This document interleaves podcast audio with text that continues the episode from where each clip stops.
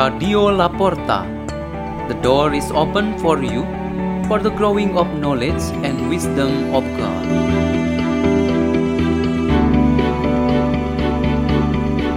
Delivered by Ryan Cordy of St. John Vianney Church in Irvine, California, the United States.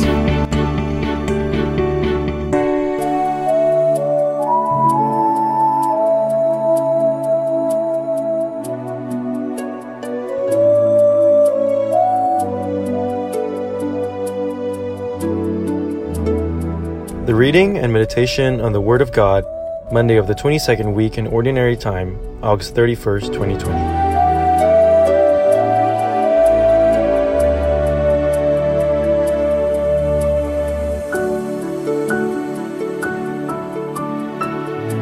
The reading is taken from the Holy Gospel according to Luke chapter 4, verse 16 to 30. Jesus came to Nazareth, where he had grown up, and went according to his custom into the synagogue on the Sabbath day. He stood up to read and was handed a scroll of the prophet Isaiah. He unrolled the scroll and found the passage where it was written. The Spirit of the Lord is upon me, because He has anointed me to bring glad tidings to the poor. He has sent me to proclaim liberty to captives and recovery of sight to the blind, to let the oppressed go free, and to proclaim a year acceptable to the Lord. Rolling up the scroll, he handed it back to the attendant and sat down and the eyes of all in the synagogue looked intently at him. He said to them, Today this scripture passage is fulfilled in your hearing, and all spoke highly of him, and were amazed at the gracious words that came from his mouth. They also asked, Is this not the son of Joseph?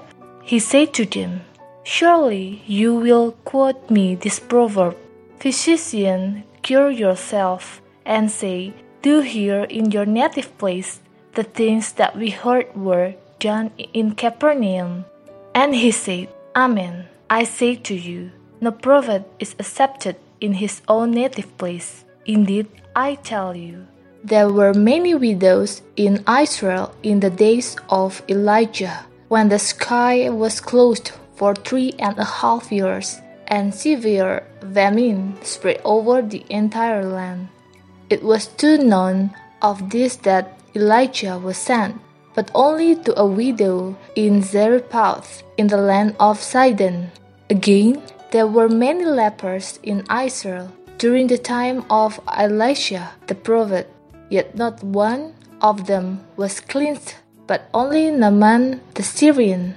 When the people in the synagogue heard this, they were all filled with fury. They rose up, drove him out of the town, and led him to the brow of the hill on which their town had been built to hurl him down headlong. But he passed through the midst of them and went away. The Gospel of the Lord.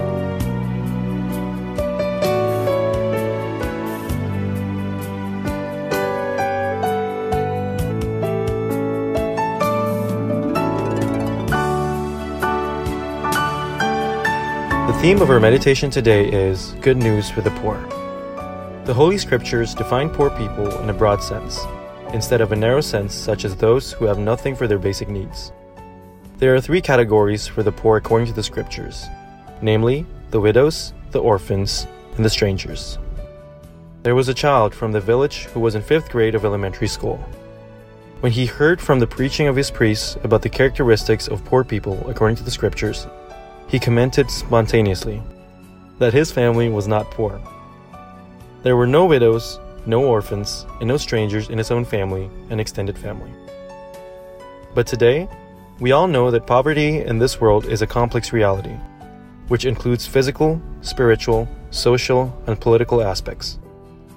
Jesus Christ brought a mission from the Father to free every human being who was in poverty of all these aspects. When he preached in the synagogue in the place of his origin, he said that his mission was accomplished at the moment the words of God were preached.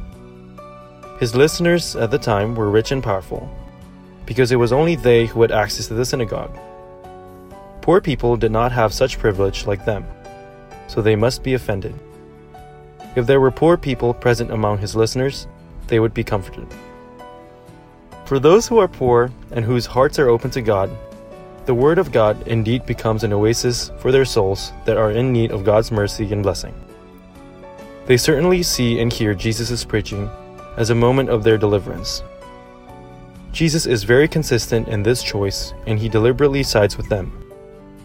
They realize themselves as poor people, and through their experience with Jesus, they find hope not only for liberation experience in this world, but especially an assurance of the salvation and eternal life. As for those who are powerful, rich, and intelligent, the Word of God is like a blow that humiliates and threatens their comfortable life. Because they are offended, they give reaction and do that plan to destroy Jesus. We all know that a reaction or violent act made to destroy what or who is good, right, and just, just like what had happened to Jesus, is not only based on different understanding and belief, but mainly supported by anger and hatred. A person deliberately does this because his sinful act or crime is known by others. He is caught sinning before God and before others too. We have various shortcomings that make us poor, and surely we need the message of deliverance from Jesus. The principle is this we should not reject him even when we have evil plans against his commandments. But we must accept him with sincerity and joy.